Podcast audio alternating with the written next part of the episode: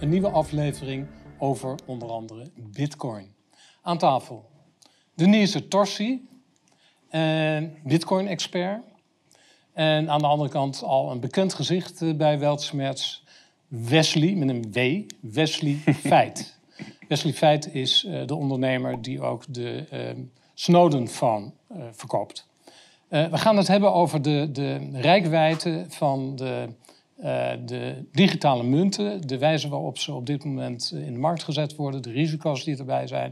Maar aan de andere kant ook, uh, wat is de uh, Europese bank aan het ondernemen? Daar gaan we het ook over hebben en ook daar de rijkwijde van bespreken. Dus we beginnen met de eerste vraag. Met jou, want jij bent de vrouw aan tafel. Denise, Bitcoin. Wat is de houdbaarheid van Bitcoin? Er zijn rare dingen mee gebeurd, er zijn enorme dingen mee gebeurd. Wat is de rijkwijde? Waar, hoe mogen wij daar naar kijken? Ik denk dat eh, Bitcoin een eh, alternatief geldsysteem zou kunnen zijn, decentraal. En de houdbaarheid van het systeem is, uh, ja, hoe, hoe meer het geadopteerd wordt, hoe breder het is. En het is nu sowieso ingeprogrammeerd dat het tot uh, 2141, ja. dat dan de technische halvingen plaatsvinden. Dus hij is technisch geprogrammeerd voor langere tijd. Dus we zijn op zich wel, uh, gaan we ervan uit dat het de komende honderden jaren wel. Oh ja, maar wat is dan de rol van, uh, van Bitcoin? Want het is niet echt een betalingsmiddel, heb ik begrepen. Nou, op dit moment. Ja, of je moet er uh, hele dure auto's van willen kopen bij bepaalde winkels. Maar wat, wat, wat, wat is dan de rol? Nou, op dit moment, om dat te kunnen begrijpen, moeten we eigenlijk wat dieper in het fiat-systeem. Uh, en daarbij bedoel ik de euro's en de dollar, wat we op dit moment gebruiken. Uh, op dit moment gebruiken we natuurlijk nog uh, papiergeld en we gebruiken digitaal geld. Ons digitale geld dat wordt door middel van quantitative easing, dat is een moeilijke term, maar daar bedoelen we eigenlijk mee dat het geld bijgedrukt wordt, bijgeprint, ja. waardoor ons geld minder waard wordt. Ja. hier heb ik bijvoorbeeld een biljet van fiat geld mm -hmm. uit Budapest van 5000, waar je nog geen kopje koffie van kan kopen. Dus dit is wat inflatie kan doen en wat er gebeurt met het huidige fiat-systeem. Sinds kort hebben we ook het 0-euro-biljet. Ja, leuk. Dus dat wil al aangeven waar we naartoe gaan met ons geldsysteem. Um, ik, mijn mening is dat Bitcoin uh, ons daartegen kan beschermen. Um, dat het een tool is om uh, de mensen op lange termijn uh, decentraal geld te laten hebben, hun geld in eigen beheer te hebben, waarmee ze eigenlijk een stukje freedom terug kunnen krijgen, wat nu bij de ECB bij de IMF en bij de banken vooral uh, betaald en bepaald wordt. Ja, en, ja, ik heb wel begrepen dat. Uh, kijk, er zijn, eh, er zijn uh, mensen die zeggen van ja, het is eigenlijk het digitale goud. Hè, dus het is zou een soort goudstandaard kunnen worden voor het nieuwe geldsysteem. Ehm, maar nogmaals, je kan er niet echt mee betalen. Met goud kan je eigenlijk ook niet betalen, maar dat kan je wel weer omzetten. Er is ook weer een ding, en dat is dat uh, uh, Bitcoin niet echt veilig is. Het is gewoon echt te beoordelen door de overheid. Banken die heel ingewikkeld doen. Uh, het is zichtbaar. Uh, hoe, hoe, kijk je daarnaar? Nou, je gaf net aan Bitcoin als betaalsysteem. Ja. Ehm, tegenwoordig kunnen we elkaar ermee betalen al in Bitcoin. Dat komt door verschillende apps. Denk bijvoorbeeld aan een second layer op Bitcoin. Dat is het Lightning-netwerk. Dat zorgt ervoor dat wij elkaar via de mobiel bitcoins kunnen versturen. Ja. Um, dat is een stukje privacyvriendelijker. En daarnaast kan je het ook op een manier inrichten dat het privacy uh, non-custodial, dus dat je het in eigen beheer hebt, waardoor je zelf beheer hebt over je privacy. Dus uh, aan wie wil je de privacy delen en wie niet? Uh, je, kan, je, je private keys moet je bijvoorbeeld met niemand delen. Ja, maar goed, op het moment dat ik met euro bitcoins wil kopen, dan vraagt de bank mij van alles en nog wat. Ze bellen me zelfs op van weet u wel wat u aan het doen bent? Ja. Weet je? Dus dat, dat, zo, veilig is het niet en zo anoniem is het niet. Nou, de reden dat de banken dat doen is omdat Bitcoin eigenlijk in het verleden heel anoniem was en dat ze het nu steeds inzichtelijker willen maken. Dus op het moment dat jij van het fiat-systeem, dus van de euro's, naar de Bitcoin wil, ja. dan moet je je volledig door alle KYC heen. Dus je paspoort laten zien, je rekening, et cetera. Want nu zijn we gewend met het fiat-systeem dat alles in de gaten gehouden wordt. Tot 100, vanaf 100 euro wordt er al gecontroleerd. Dat kunnen ze momenteel nog niet in bitcoin. Zouden ze wel graag willen doen. Hè? De ECB zou heel graag dat willen doen. Dus uh, dat kunnen ze momenteel niet. En ja, dat geeft toch nog wel een stukje zekerheid voor jezelf. Is dat niet een beetje een jacht op, uh, op um, een, uh, technologische jacht?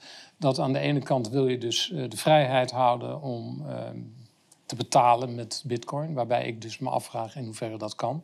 Maar goed, het is in ieder geval een betaalmiddel. Het is een ruilmiddel, zou je bijna zeggen. Je kan er in ieder geval goud van kopen.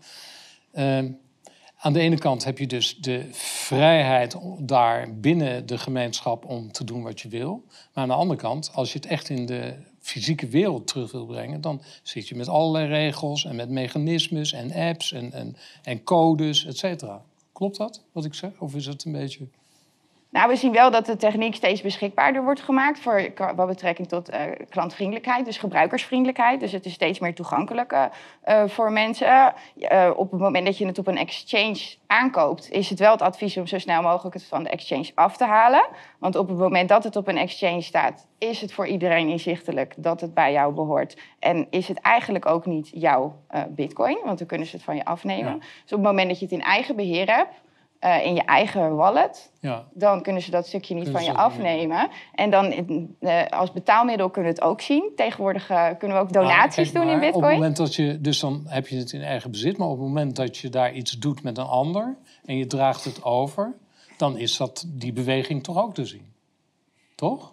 De wens om het inzichtelijk te maken is natuurlijk eigenlijk vanuit onze overheid om vooral ons belasting erover te laten betalen en alles inzichtelijk te houden en controle te houden over het geldsysteem. Zeker, ja. Dat is de reden dat ze de KYC uh, eh, toepassen. Ja. Uh, wij zien het wel op. Kijk, het, het, het meest ideale is dat het privacyvriendelijk is en dat dat ook altijd zo blijft en dat nooit iemand achterkomt.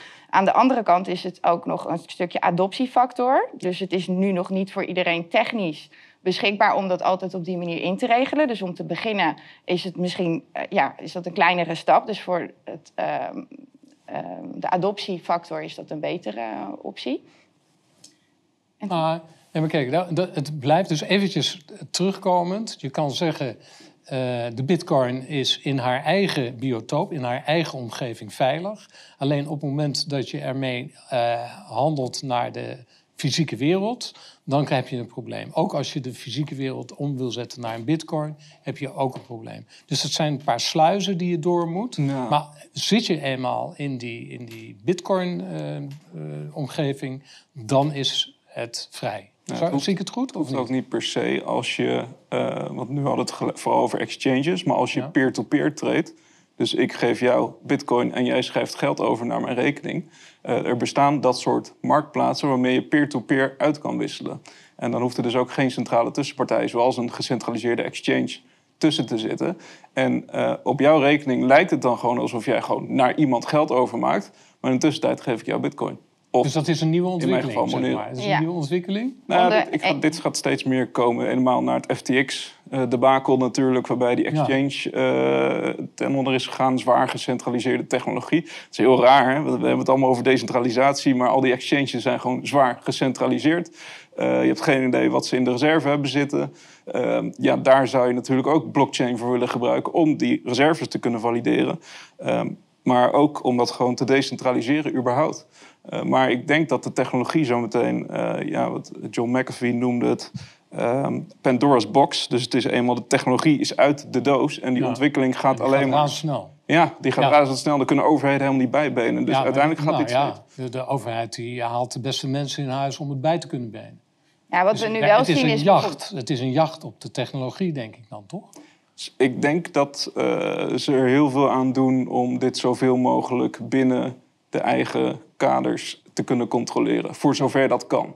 Uh, ik denk dat het ze grotendeels uh, dat ze het niet kunnen, maar dat ze wel met heel veel manipulatie, uh, maar ook op andere manieren developers omkopen. En goed, zo, ja, zo dan, dan zit je toch op het niveau eigenlijk van moraal en ethiek, waarin er mensen zijn die de overheid helpen omdat ze denken van nou, dat, hè, dan kan ik een hypotheek betalen. Mm -hmm. En er zijn mensen die zeggen nee, ik, we gaan die overheid gaan we een, een pas afsnijden. We doen het zo, want we willen onze vrijheid uh, houden. Ja. Is dat ongeveer de strijd die er ja, is tussen... Dus ik denk dat je binnen crypto heel veel uitwassingen ziet van het systeem. Ja. Omdat ze gewoon uh, op heel veel verschillende manieren die projecten proberen te beïnvloeden... en daar wel uh, ja, macht over proberen te krijgen.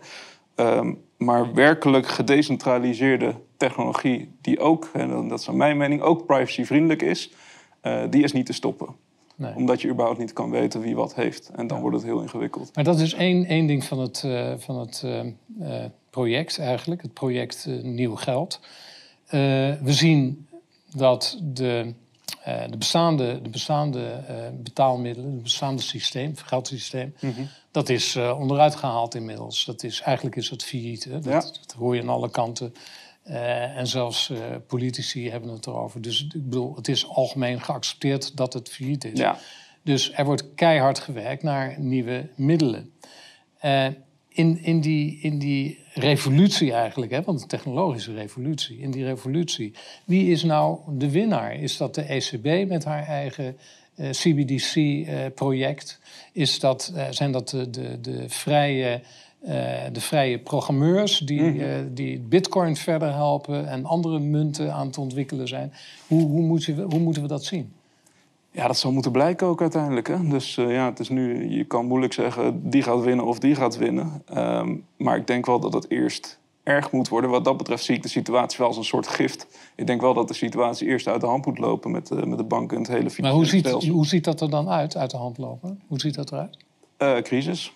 Ja, ja ik, ik, verwacht wel een crisis. En, uh, Jawel, maar, maar hoe, hoe, vormt die crisis? Uh, flinke inflatie. En ik denk als mensen die zich daar niet tegen beschermd hebben... door in assets te zitten die niet bijgedrukt kunnen worden... Hè, dus het kan inderdaad goud, zilver zijn Of, of crypto... Uh, goede projecten. Um, ja, dan, dan heb je een probleem. Dus dan is al het geld wat je in het verleden verdiend hebt...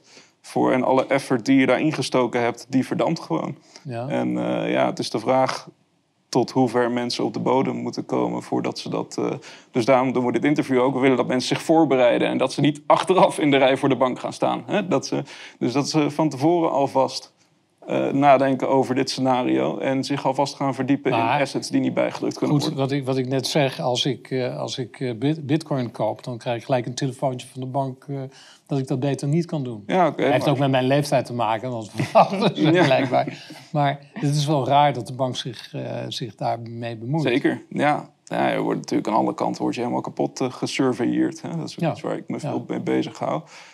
Dus mensen hun gedrag wordt in de gaten gehouden, ja. Sterker nog, ik heb wel eens mensen gehad, klanten bij mij... die een bankrekening bevoren werden toen, nadat ze bij mij een telefoon hadden gekocht. Nou, dan moet je precies bij onze doelgroep doen. Hè? Die, die worden gelijk boos aan de lijn. Die, die bellen de bank op van, wat is dit? Maar goed, ja, daar, daar, ontkom je niet zozeer aan, denk ik. Ik denk dat er heel weinig echte crypto-vriendelijke banken zijn. Er zijn wel banken die er makkelijker mee omgaan. Maar de meeste banken, ja, die snappen ook wel dat de echte crypto-projecten... dat die gewoon de banken doen laten verdampen op lange termijn. En dat hele systeem gewoon om zeep helpen. Maar goed, er zijn banken die wel heel vriendelijk waren... en die zijn over de kop gegaan. Ja, maar ja, er bestaat ook eigenlijk niet zoiets als een crypto-vriendelijke bank. Dat is eigenlijk een hele rare term. Want we zijn deze hele revolutie begonnen om het banksysteem te vervangen. Ja. Niet om eh, een soort van samenwerking mee aan te gaan of zo. Natuurlijk is het leuk als je uh, in deze tussentijd nog een soort van hybride ja, systeem hebt... waarin je makkelijk kan wisselen tussen je bank en je, en je crypto. Maar uiteindelijk is het idee dat we dat bankensysteem helemaal wegschuiven. En uh, ja, dus zoiets als een crypto-vriendelijke bank is een hele, rare term. En dan zijn er uh, meerdere, dus ook... Wil jij wat uh, zeggen? Oh. Nee, ja, nee. Nou, ik zag een handje. De, de, banken, in 2008 hebben we natuurlijk gezien dat de banken zijn omgevallen. En een aantal weken na het omvallen van Lehman Brothers... heeft eigenlijk Satoshi de Bitcoin-code ja. Uh, ja, gelanceerd. Ja, timing was, uh, dus de timing, zoals wij die nu kunnen interpreteren... is toch wel als zijnde van... dat zou een oplossing kunnen zijn of alternatief daarvan. Stond nou, in de whitepaper, hè, overigens. Exact. Eh, om dat de banken te laten integreren, uh, dat zou, een, dat zou kunnen, een wens kunnen zijn vanaf bovenaf. Uh, maar dat is niet realistisch, uh, omdat ze dan hun controle verliezen over het monetaire systeem. En dat is niet in de wens, uh, ja, de wens van de 2030-agenda. dus wat dat betreft ja, is dat dan een alternatief. Ja, maar ik blijf dus met, met de, de, het probleem zitten dat ehm, de wetgever, die uh, de ECB, uh, eh, eigenlijk de ECB is, hè, en, en, alles kan doen wat ze wil doen. Eh, controles kunnen eh, opzetten, systemen kunnen opzetten, et cetera. Dat die aan de ene kant zijn en dat de vrije markt, als het ware, de vrije financiële markt, is hem in crypto gedoken. En dan heb je in wezen het derde platform, dat is gewoon de, uh, de samenleving en de wijze waarop wij geld uitgeven. En ik zie een enorme discrepantie tussen aan de ene kant de, de munten en het muntenstelsel.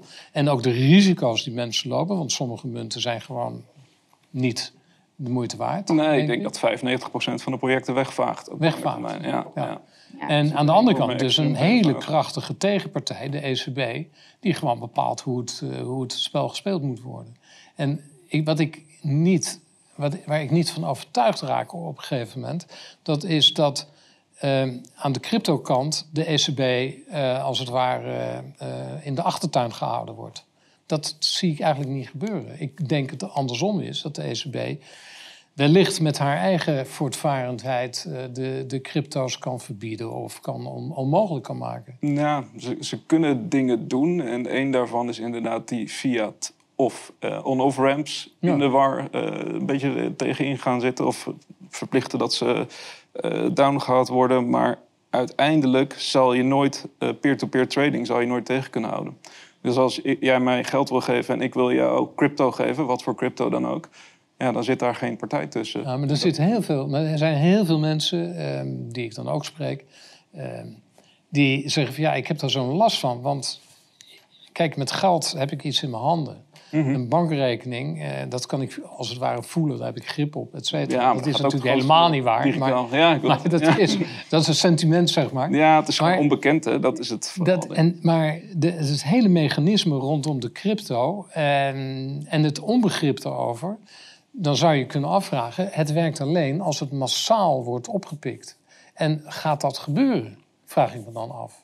Is het niet te ingewikkeld? Is het niet te vreemd? Is het niet te onaantastbaar?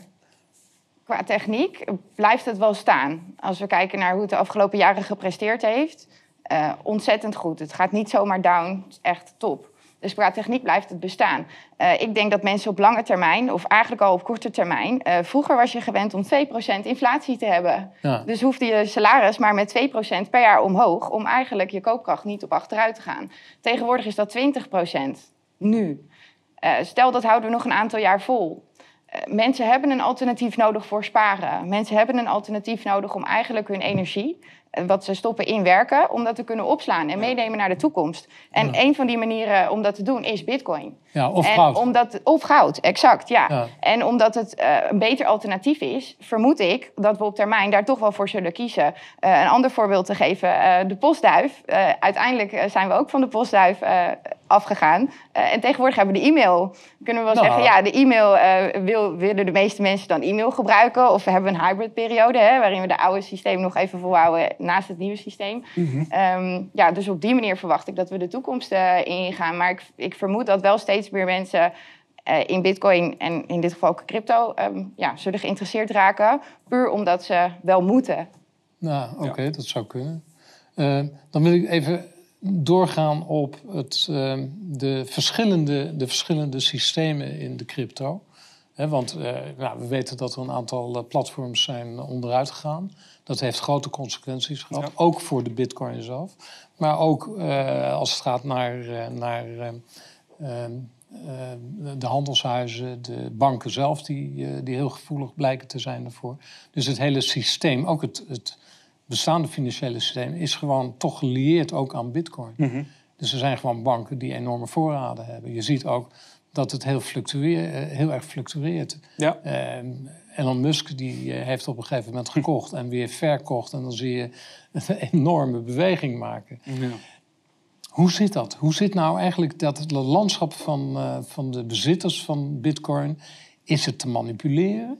Zeker. Zijn er grote spelers die het kunnen manipuleren? Ik, Zijn er banken die ermee aan de slag kunnen? Ja, ik denk dat je de manipulatie zou kunnen vergelijken met de manipulatie van de goudprijs. We weten dat dat gebeurt. Uh, Willem Middelkoop, die jij ook uh, leest, nou, die heeft daar veel over geschreven. Um, en dat doen ze dan door uh, goud op papier te dumpen en, en, daardoor op korte termijn die prijs naar beneden te drukken. En weer Alleen, te kopen. Uiteindelijk, ja. ja. uiteindelijk zijn de natuurlijke krachten te groot om dat eh, werkelijk op lange termijn vol te kunnen blijven houden. Dus zolang ze dat doen, hè, zolang ze die prijs proberen te onderdrukken, moeten we gewoon blij zijn en uh, gebruik maken van die lage prijs. Want op lange termijn gaat het, toch niet, gaat het ze toch niet lukken om dat vol te houden. daar ben ik wel van overtuigd. Um, ja, wat was je Nou ja, nee, kijk, de, de, de, de vervolgvraag is van... wat zijn nou de... Uh, is het onderscheid van de verschillende uh, coins? Ja. Dus de bitcoin die staat als een soort heilig uh, aangeschreven. Dat mm zou het goud zijn. Um, maar er zijn Ethereum. Hoe zit het met Ethereum? Hoe zit het met de andere coins? Wat, ja. wat, wat mist daar? Waarom zijn ze risicovol? En wat zijn de verschillen daarmee? Ja. Um, ja, ik ben een hele lange tijd uh, fan geweest van Bitcoin. Um, ik kocht mijn eerste Bitcoin voor 400 euro destijds. Dus je bent rijk? Nou, helaas. Ik heb tussendoor getrade en ik had het beter gewoon vast kunnen Of een donatie kunnen doen aan Max uh, ja, voor Bitcoin. Ja. Ja, ja, ik kan je, mijn zoon heeft mij uh, de eerste Bitcoins aangeboden voor een euro per stuk. Je, ja, echt? Ja. Jeetje, Wina. Oh, en oh, ik heb mijn neus opgehaald. Ja, ik kan me voorstellen. Maar uh, nou ja, goed, ik, ik, ben wel van origine uh, bij crypto terechtgekomen omdat ik wel inzag dat we een alternatief geldsysteem nodig zouden hebben. Um, maar ik ben op de lange termijn niet tevreden geweest met de richting van, uh, van het Bitcoin-project. Hoewel er dingen goed zijn gegaan, vind ik ook dat er dingen niet goed zijn gegaan. En vind ik dat er andere projecten zijn, niet heel veel, maar die dat wel beter doen. Vertel er eens over. Um, nou, een van de belangrijkste vind ik privacy. En uh, ik weet dat er inderdaad uh, uh, manieren zijn om binnen Bitcoin je privacy beter in te richten. Alleen ik zie wat dat betreft heel erg de vergelijking met het huidige internet, waarbij je eigenlijk standaard geen privacy hebt. En dan probeer je binnen dat spectrum wel nog met allerlei tools, VPN's, noem maar op. Hè. Dat, dat doe ik, daar help ik mensen mee. En daar, dat vind ik ook leuk. Maar ik had het liefst gewoon gehad dat het internet uh, in de basis direct al privacyvriendelijk was geweest. En dat, datzelfde gevecht zie ik nu weer een beetje binnen de, de crypto-wereld ontstaan.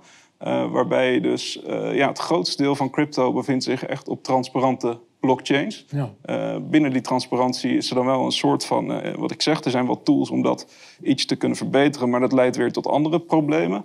Um, en daarnaast denk ik dat het voor mensen te ingewikkeld wordt als ze heel veel zelf moeten gaan doen. En dat zie je ook met het huidige internet. Ja, hoeveel mensen gebruiken nou uiteindelijk een VPN? Of hoeveel mensen uh, denken erover na waar ze hun e-mail regelen en dat soort zaken. Dat, um, dus, ja, en we hebben daar voorbeelden van gezien dat het ook echt fout is gegaan. En dat, uh, uh, maar wat, wat, wat is het verschil tussen bitcoin en de andere munten? Waarin verschillen ze? Nee, ik, ik oh ja, ja, mag wel. Ja? Oh, ja. Digitale schaarste kan maar één keer bestaan. En dat is bitcoin. En binnen de code is geprogrammeerd dat er 21 miljoen bitcoin maximaal komen. Um, en van die code die wordt momenteel niet afgeweken, want het staat geprogrammeerd in de code. Je zegt momenteel? Ja, er wordt niet van afgeweken, want het staat in de code geprogrammeerd. Ja, maar op het moment dat je in die code gaat zitten, dan zou je hem kunnen herprogrammeren op een langere en andere hoeveelheid. Nee. Nee? Nee. Oké. Dat is afgesloten. Dat is... Staat... Privacyredenen. Nee, je kan het valideren bij Bitcoin omdat het één in de code staat. En het is volledig open source technologie. En uh, twee, uh, ja, Bitcoin staat dus op een transparante ledger. Dus je kan ook echt zien hoeveel er in omloop zijn. Dus dat is, uh, dat is dan een voordeel bij Bitcoin dat je het makkelijker kan auditen. Um, uh, maar de reden bij mij is, uh, dus ik, ik, kan wel even een voorbeeld benoemen. Uh, vorig jaar hebben we de, de truckers gehad in Canada. Ja. Ehm, daar was op een gegeven moment via een, een platform, een donatieplatform, wilden zij geld gaan inzamelen. Uh, en dat was, uh, wat was dat ook weer, dat platform? Uh, nou goed, ik kom er zo wel. Ja, maar ik, ik herinner me dat, ja. Maar dat, dat platform, dat werd op een gegeven moment werd dat gekaapt. Hè? Dat mocht niet meer ja. van de overheid. En daar werden ze, werden ze niet vrolijk van. Dus dat, dat geld is toen van ze afgepakt. Dat is, ja. En wat natuurlijk bizar is, hè, zwaar ja, het blijft wel jouw criminele activiteiten. Ja. Maar toen op een gegeven moment, toen zijn die truckers overgegaan, toen dachten ze, hé, hey, maar er bestaat toch iets wat censuurresistent is. En dat is Bitcoin. Tenminste, dat dachten ze. Uh, want wat ze toen gedaan hebben, is heeft één iemand die heeft uh, die inzameling gedaan. Daar zijn al die bitcoins naartoe gestuurd. Uh, het ging om best wel wat geld, volgens mij 9 miljoen of zo.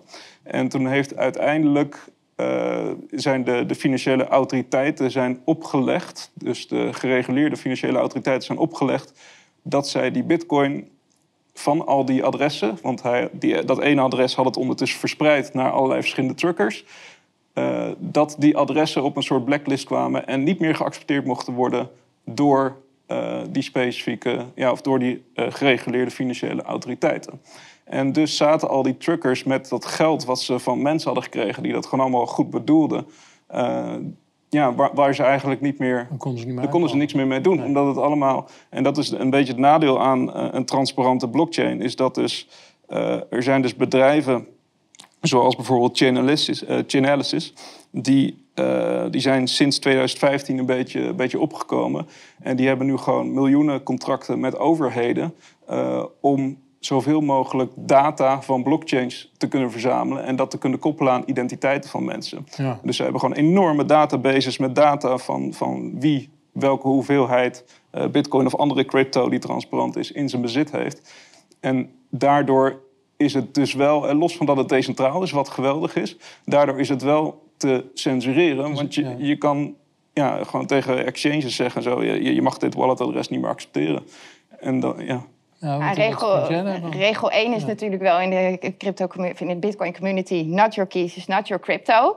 Dus dat betekent, jij hebt zelf de toegang tot je eigen Bitcoin. Als je dat niet hebt, uh, zoals het voorbeeld wat jij net, uh, omschreef. Je laat een spoor achter. Nee, ja, dan, wat, er, wat er gebeurde is, ze hadden het dus wel op een eigen wallet staan. Gewoon non-custodial, dus dat ging goed. Alleen, ze konden het niet meer via exchanges... Uh, ja, wegkrijgen of omruilen voor euro's of andere, andere currency, omdat hun walletadressen op een blacklist waren gezet. Maar je begon er eigenlijk mee dat ze geen euro's meer konden ontvangen. Dus eigenlijk waren ze al gecensureerd in fiat geld. Daardoor hebben ze bitcoin als alternatief gebruikt. En daarna hebben, ze, hebben, ze, hebben de overheden hun best gedaan om bitcoin als alternatief ook moeilijk te maken. Dat is wat er is gebeurd. Maar het is wel een alternatief voor de censuur die we nu meemaken in het fiat-systeem. Nou, mag ik even, mag ik even inbreken? Het deze discussie? Ja. Uh, want ik zou het graag over Monero willen hebben en over Ethereum. En zo zijn er nog twee, denk ik, die de moeite waard zijn om te mhm. bespreken. Wat zijn daar nou zeg maar, de voor- en tegens van? Waarom wordt er gezegd shitcoin over als het om deze, deze... Ja, daar ben ik het dus niet mee eens. Dus ik vind bitcoin een geweldige uitvinding. En maar, ik vind, ja, maar nu even geen bitcoin. Nee, nee, maar ik, kom, ik, kom er, ik ga erop door. Ja? Ik vind bitcoin een geweldige uitvinding. En ik denk dat uh, de technologie achter bitcoin, dus blockchain technologie... De, ja, Want ook de ECB maakt er gebruik van. Ja, zeker. Ja, ja.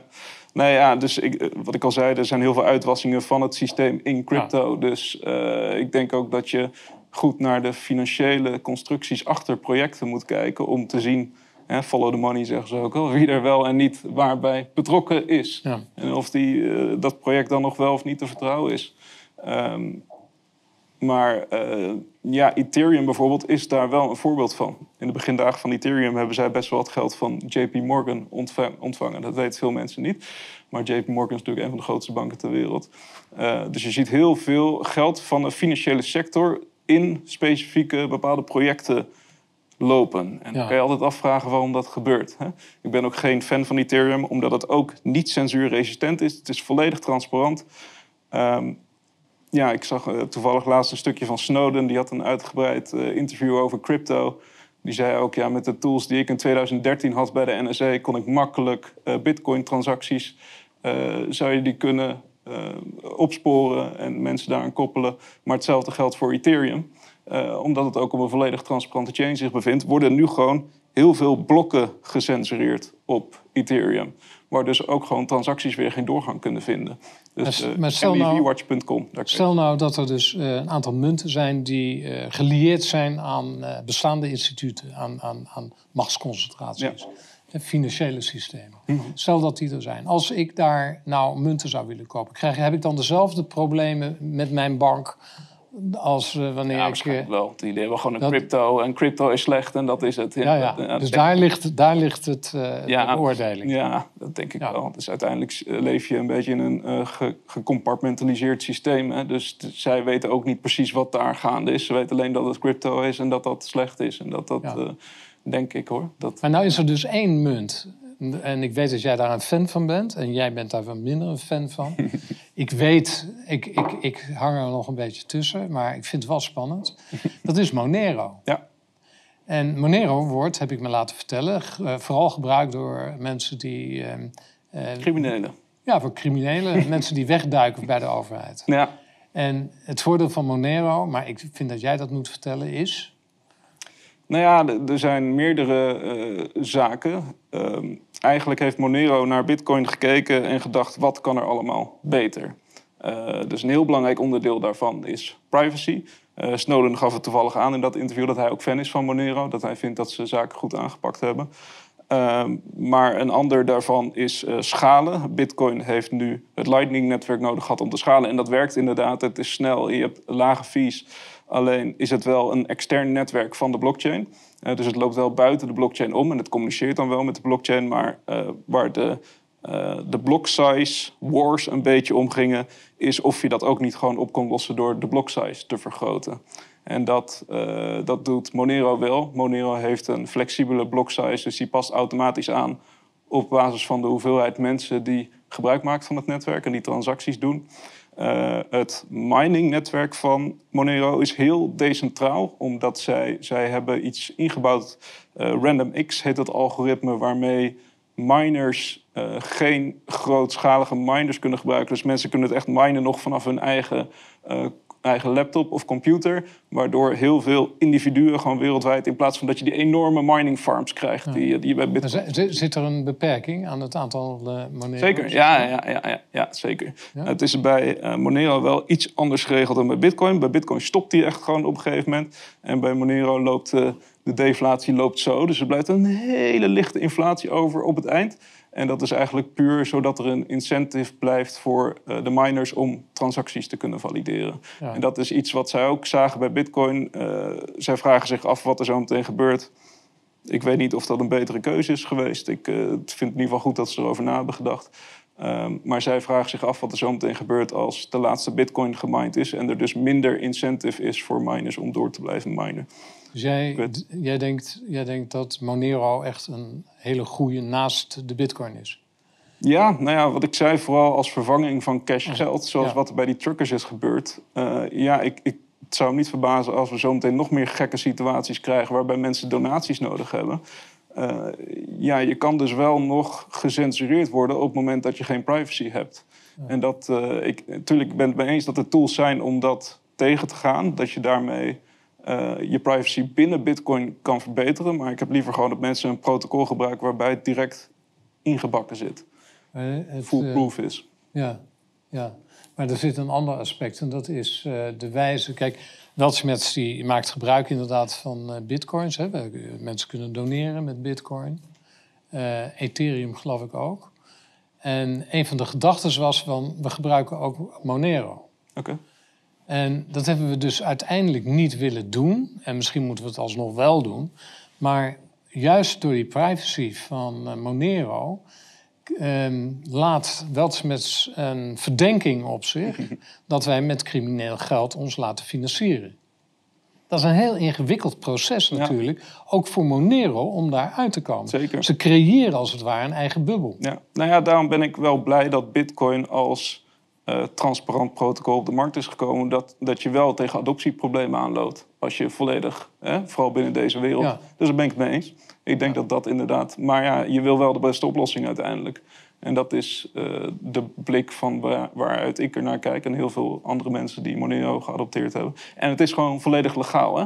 Tot op heden, Ja, laat ik dat ja, erbij ja, zeggen. Het zou me niet verbazen als het ooit Ja, Weltschmerz is gelegaliseerd nog wordt. steeds legaal. Wel. Ja, ja het, het is, voor nu is het gewoon nog legaal. Hmm. En eh, het grappige is ook, dat heb ik hier, dat kunnen we misschien wel even in beeld laten zien zo. Maar eh, Satoshi in zijn begintijd bij het eh, Bitcoin Talk Forum. Wie is het, Satoshi? oh, sorry, de uitvinder van Bitcoin. Oké. we weten En waar niet. staat dat voor? weten Want niet ik heb ook is. begrepen dat dat een verzameling is van letters... eh, voortkomend uit verschillende bedrijven. Nee? Zeg me niks. Oh. Nee, nee, nee. Oké, ik Maar- zoek het op. Is goed. Want hij had het in de begindagen van Bitcoin, eh, op het Bitcoin Talk Forum, had hij het wel al over privacy, technologie en hoe je dat mogelijk zou op kunnen lossen. Ehm, dus de vraag is, wist hij het nog niet op dat moment, hoe je dat moest doen?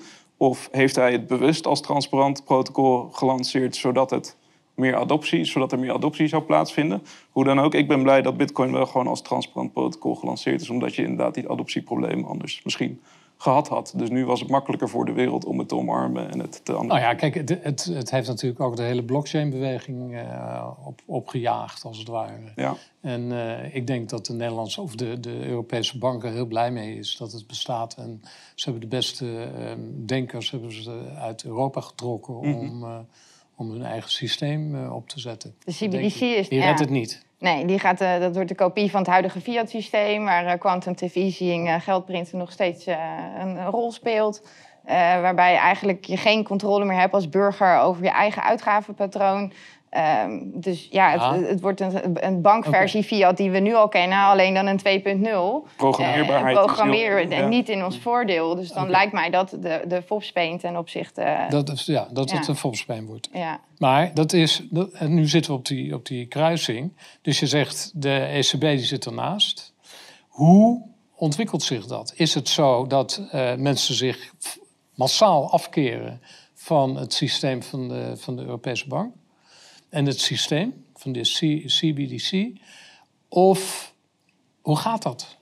Nou, eerst eh, had ik ook voor mezelf voorgesteld van... Goh, hoe zou het eruit zien als de, de banken zouden omvallen? Eh, nou, de vestigingen dicht. Dat hebben we natuurlijk in corona Dat al gezien. al. Fysiek kunnen we er niet meer naartoe. Eh, we zien dat de gele geldmaten al onze Verdwijnen. pinautomaten zijn. Hè, die, en die verdwijnen ook steeds Ja. meer. Vroeger waren die per bank nog een andere pinautomaat. Dus je ziet eigenlijk dat ja, we hebben gewoon een nieuw geldsysteem nodig. Het CBDC eh, is vanuit de ECB het paradepaardje wat dat dan eh, moet worden.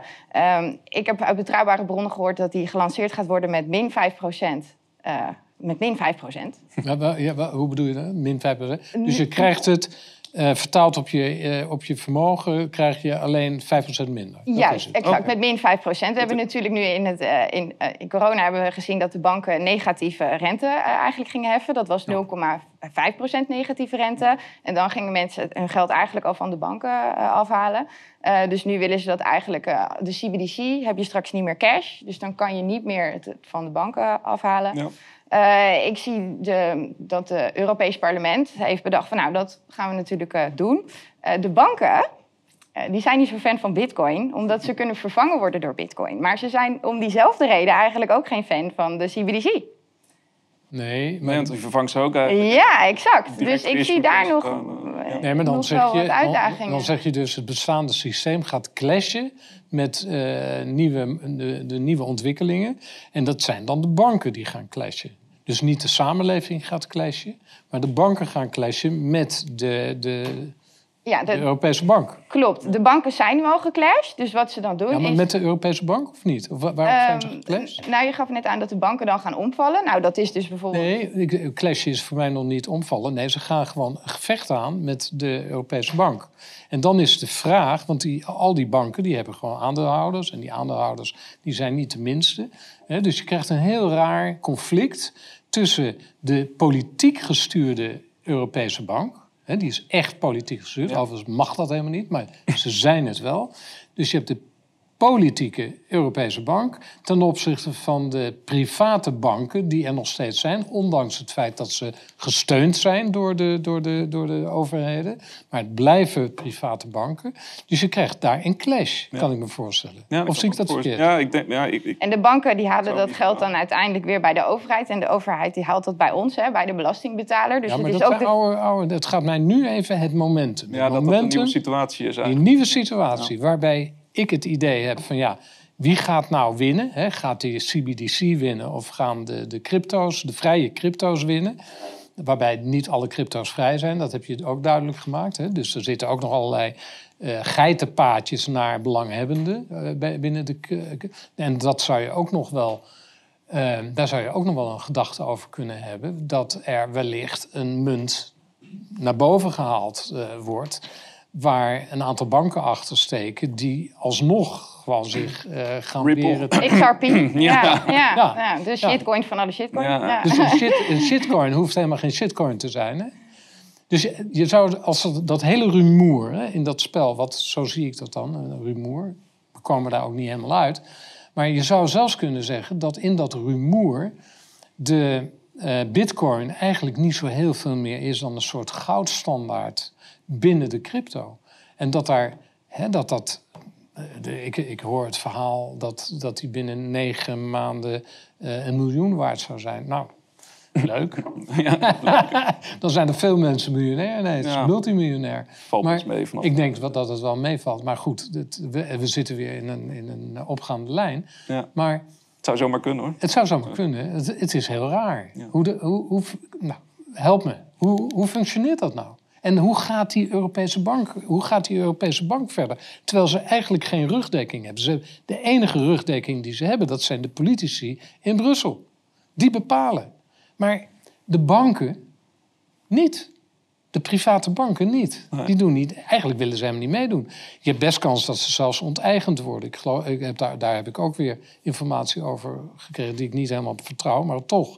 Weet je wel, het, Waterbanken. dat de private banken worden onteigend. Oké. Ja, nou ja het zou, ik zou op zich ook niet weten wat hun rol nog is. Als je zo meteen eh, central bank digital currencies hebt die gewoon direct geissued worden Nou door de centrale bank. je- je moet wat- niet, je, je moet ze niet onderschatten natuurlijk. Hè? Want eh, ze ruiken geld en ze, ze, Ja, tuurlijk. Ze, Ja, ja, ja, ja. ze Ja. weten wel waar ze geld vandaan moeten Als ze nog een rol kunnen spelen, zullen ze het altijd Ja. doen natuurlijk. Maar eh, ja, het zou Maar de vraag is dus, en, en daar komen we geloof ik niet uit... en dan moeten we hem ook verder laten liggen.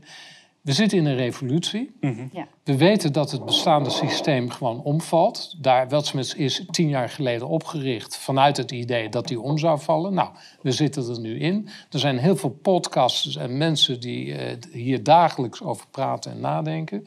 Weltsmets heeft zich wat teruggetrokken op dat, eh, op dat eh, thema. Maar je ziet wel... ehm, je ziet wel dat er een revolutie aan de gang is. Eh, iedereen heeft daar een mening over. Maar Bitcoin heeft een rol. Daar zijn een aantal munten uit voortgekomen. die allemaal een ander mechanisme in zich hebben.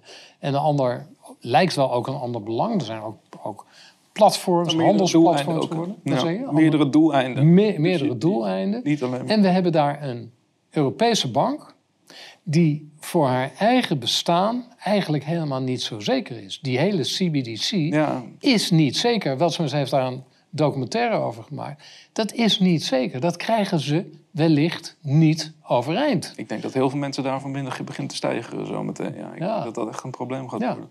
Dus, eh, en dan hou je de private banken over, die overigens gewoon zo groot zijn dat ze niet meer om mogen vallen. Mhm. Hoe gaat dat er nou uitzien? Dat wij ze blijven uitkopen hè, als bevolking. Ja, of we kiezen ervoor om als eh, ja, bevolking een keer voor hard mo- money te kiezen. moeten wij dan zeggen- Dus niet meer dat enorm- fiat-systeem, maar gewoon weer terug naar... eh, we hebben ook langer gold-backed eh, geld gehad eigenlijk, hè, door de jaren heen. 5000 jaar. Eh, vroeger kon je met een papiertje kon je ook daadwerkelijk goud ophalen bij de bank. Dat Ja. hebben we in 1971 losgelaten. Nu Dan hadden we 50 nog. jaar. Ja, ja. Ja, we eigenlijk moeten concluderen... na 50 jaar werkt eh, papierprinten niet meer. Dus Nee. we moeten een alternatief hebben. Ik is zou nog zeggen, heel- mensen, dat is nog heel deze leuk. Het is nog een heel leuk verhaal dat wij ons geld hebben gebracht naar Amerika, Fort Knox. En eh, de plek waar het Ja, allemaal wereldgoud lag. eh, al. ja, ja, ja. En dat we eh, na heel veel moeite en vragen een klein stukje daarvan terug hebben gekregen. En de rest is gewoon afgeschreven. Het. Zijn maffia eh, daarin. maar goed, If that rocks the boat, the boat is not solid. ja, ja, precies, precies. Maar we komen hier niet uit, ben ik bang. Eh, Nou we zitten wel in die revolutie. Ik denk, als ik eh, een, beetje een stap mag doen... ik denk dat de revolutie zich ook vormt binnen de cryptomunten. Ja, het is niet zeker. alleen tussen crypto en eh, de Europese eh, bank... En, en, eh, en Amerikaanse banken zijn er ook mee bezig trouwens. Maar het is ook intern, is er een, is er een soort oorlogje aan de gang. Nou ja, Hè, dat is schoonmaak, een je beetje tribalism. Dus projecten die, die ja, discussiëren wel met elkaar natuurlijk. Van ik ben beter, ik ben beter, Ja. om dit en dit. En eh, ja, goed. Nou, ondertussen vallen ze om. Of zijn ze nou, ik denk waard. het is een enorme experimentele fase waar we zitten in Ja. crypto. Dus daarom zei ik ook. Maar dat zit hem dat 95% in het systeem? Is dat, is dat experimentele, zit hem dat in het systeem of in de eh, technologie? Nou ja, het is natuurlijk een combinatie van en geheel nieuwe technologie... en van dat we zelf onze eigen economische systemen in kunnen gaan richten. Dus eh, ja, mensen zijn daar gewoon mee aan het experimenteren. En wat werkt wel, wat werkt niet, wat is wel logisch, wat is niet logisch. En dus dat moeten mensen die in crypto investeren zich ook wel beseffen. Eh, investeer niet zomaar in iets en weet dat er met elk eh, project. Hè? Ook met Bitcoin bij wijze van spreken. Het heeft zich supergoed bewezen qua veiligheid. Maar ja, ook daar is misschien wel risico mee gepaard. Uh, dus ja, doe gewoon goed je onderzoek. Zorg voor een beetje spreiding, zou ik ook zeggen. Kijk naar verschillende projecten. Uh, dat als de een omvalt, dat je niet al je geld kwijt bent, hè, bij wijze van spreken. Ja. Uh, ook voor maar... banken geldt dat hè, tegenwoordig. een ton maximaal per bank. Ja. ook in Nederland. Ja, ja, ja dat is gegarandeerd. ja. Uh, nou, we komen er niet uit. We zitten er middenin. Uh, we gaan dit gesprek uh, pak een beet een paar maanden later gaan we het weer herhalen. Of althans gaan we een vervolg geven. Want het is interessant ook om het bij te houden. Ik vraag jullie ook om je, goed, je goed te oriënteren. Er zijn heel veel mensen die daar heel veel over te zeggen hebben. En ik, er zijn maar weinig mensen die het echt met elkaar eens zijn, heb ik het idee. Hm. Ehm, maar het grote verhaal is dat we midden in een revolutie zitten en dat het bestaande systeem uh, eindig is, nu. Eigenlijk. En niet alleen wat betreffende geld, hè? want dat is nog een ander belangrijk ding. Bitcoin had van origine ook in de naam van Bitcoin Script de mogelijkheid om smart contracts te kunnen programmeren. Alleen dat is een beetje uh, Bitcoiners hebben op een gegeven moment te horen gekregen dat dat soort dingen niet meer plaats mochten vinden op Bitcoin. En dat ze daarvoor maar lekker bij Ethereum moesten zijn of andere, andere platformen. Maar het, kunnen, het vermogen om smart contracts of een goed smart contract platform in te kunnen richten, kan ervoor zorgen dat je het hele internet kan decentraliseren. Dus het gaat ook niet alleen om geld. Het gaat om werkelijk mogelijk elke applicatie die je maar kan bedenken. Uh, en als je dat doet op een ook nog eens een privacyvriendelijke manier, er ontstaan nu change die ik met zeer grote interesse volg, dan, dan kan je als ondernemer zijnde heel snel concurreren met big tech, omdat je gewoon direct uh, gebruik kan maken van die computerkracht van die blockchain. Hey, en, en, en, in welk stadium is, is dat uh, proces? Ja, nou ja, goede vraag. Wat ik zeg, ik zie dus uh, projecten die een paar jaar in ontwikkeling zijn, die denk ik geleerd hebben van wat al die andere smart contract platformen daarvoor hebben gedaan, die mogelijk interessant kunnen zijn en die dat dus mogelijk kunnen gaan, uh, dat probleem kunnen gaan oplossen. Um, maar ook daarin weer ja, privacy first. Dus als we een nieuw decentraal internet gaan bouwen, hoop ik heel erg dat het nu wel privacyvriendelijk vanaf de baan. Maar dat is toch heel interessant als we in staat zijn om het internet zo in te richten dat we big tech loslaten. Dan stel je voor dat je applicaties kan maken die niet te stoppen zijn. Die niet te stoppen zijn. En dan kan je fantasie even de vrije loop laten. Jij maakt mijn dag goed hoor. Ja. ja, ik denk al dat er. heel erg naar op zoek uh, bij Weltsmets. En uh, we, zijn nog niet, we hebben nog niet de heilige, heilige graal gevonden. Maar we zijn er wel naar op zoek. Mag ik jullie ontzettend hartelijk danken. Uh, jij natuurlijk. Graag gedaan. Eh. Denise. Vooral doneren hè, bij Weltsmerts. Vooral doneren bij Weltsmerts en in Bitcoin. Ja, ja, ja. Monero mag ook hoor. Ja, maar Monero, ja, dan, komt het bij jou terug. Ja, ik wil er niks van zien. Hey, dankjewel. dankjewel. Dit was het. Tot de volgende keer.